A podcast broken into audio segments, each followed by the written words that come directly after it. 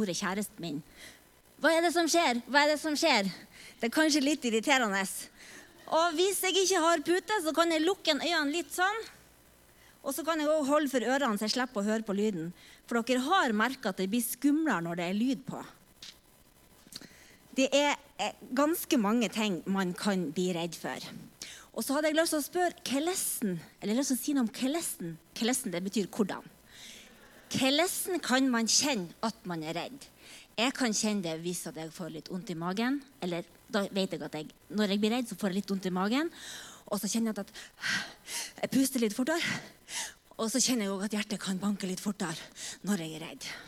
Og jeg vet at jeg vil tro egentlig at dere alle sammen er redd for noen ting. For de fleste er det. Noen er redd for mus. Noen er redd for edderkopper. Noen er redd for mørket. Noen er redd for å være hjemme alene.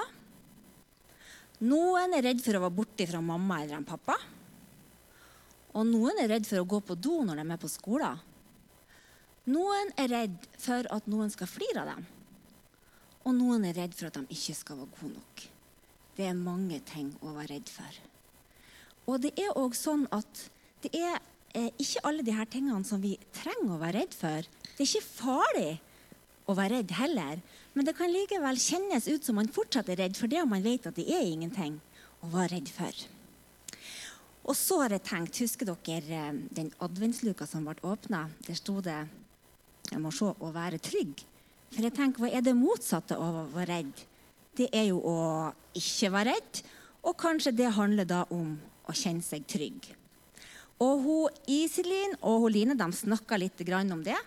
Når er det man kjenner seg trygg? Og Iselin hun syns at det er trygt med piggdekk. Det tror jeg. ja. Og jeg tenker at det er trygt å gjøre noe eller det kan være trygt å gjøre noe som vi har gjort mange ganger før. Noe som er kjent, Eh, noe som eh, ja, Når vi vet hva som skal skje, det kan være trygt. Og så kan det òg være trygt å være sammen med noen som du vet liker deg, og som er glad i deg. Og det å eh, gjøre noe som du liker godt, og som du vet at du får til, det kan òg være trygt. Og heime. Heime tenker jeg er trygt. I hvert fall skal det være det. Det skal være trygt å være hjemme.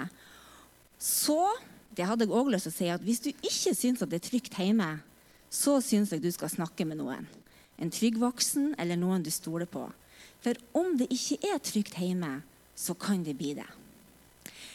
Hjemme, det er jo eh, den plassen som vi kan komme til etter en lang dag i barnehagen, etter en kanskje slitsom dag på skolen Kanskje en eh, lang og slitsom dag på jobben òg. Eller hvis du har vært ute på en lang reise. Eller hvis du har vært på ferie. Og så er det noen som syns det er særlig godt å komme hjem til jul.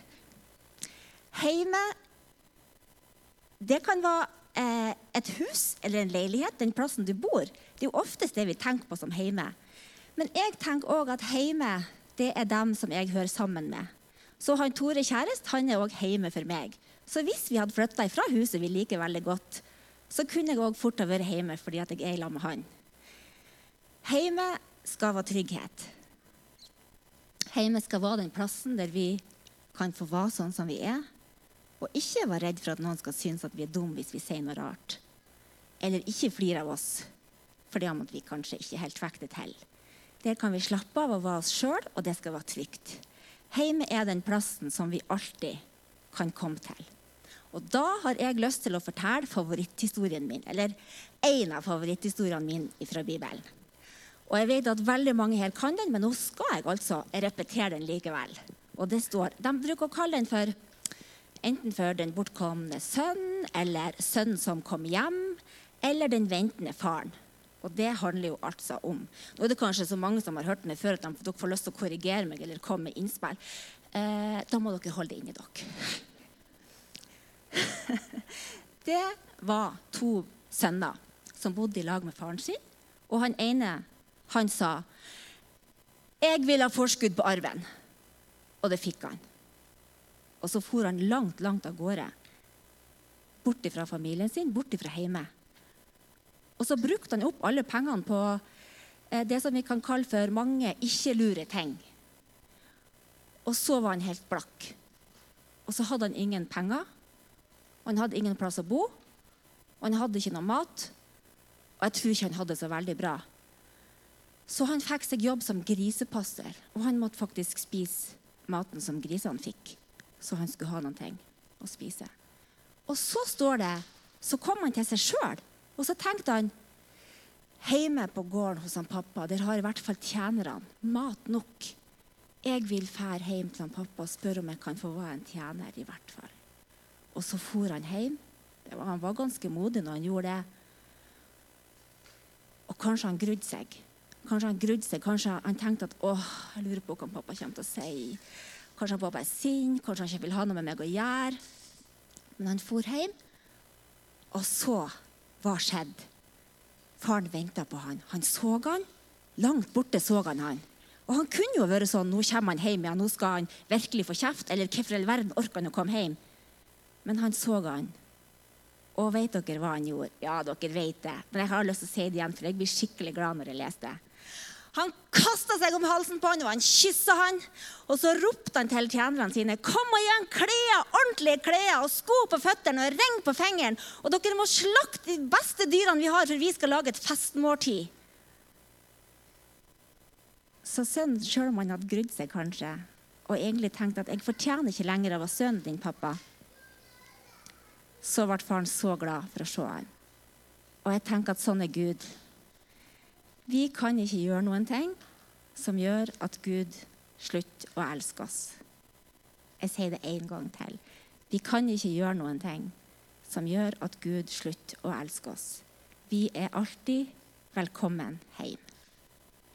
Og Nå skal jeg be en liten bønn, og det kan dere være med på hvis dere vil. Og jeg må ha en huskelapp på det, faktisk. Gud, du som er pappa i himmelen og som har sagt at du elsker oss med evig kjærlighet. Evig er veldig lenge, Gud. Takk for alle menneskene i livet mitt som er glad i meg, og vis meg litt mer av hvem du er. Jeg ber om at du viser oss hvordan vi kan være dine hender og føtter og ditt hjerte, så dem som er trygg, nei, så dem som er utrygge, kan kjenne seg litt tryggere. Takk at vi alltid er velkommen hjem. Amen.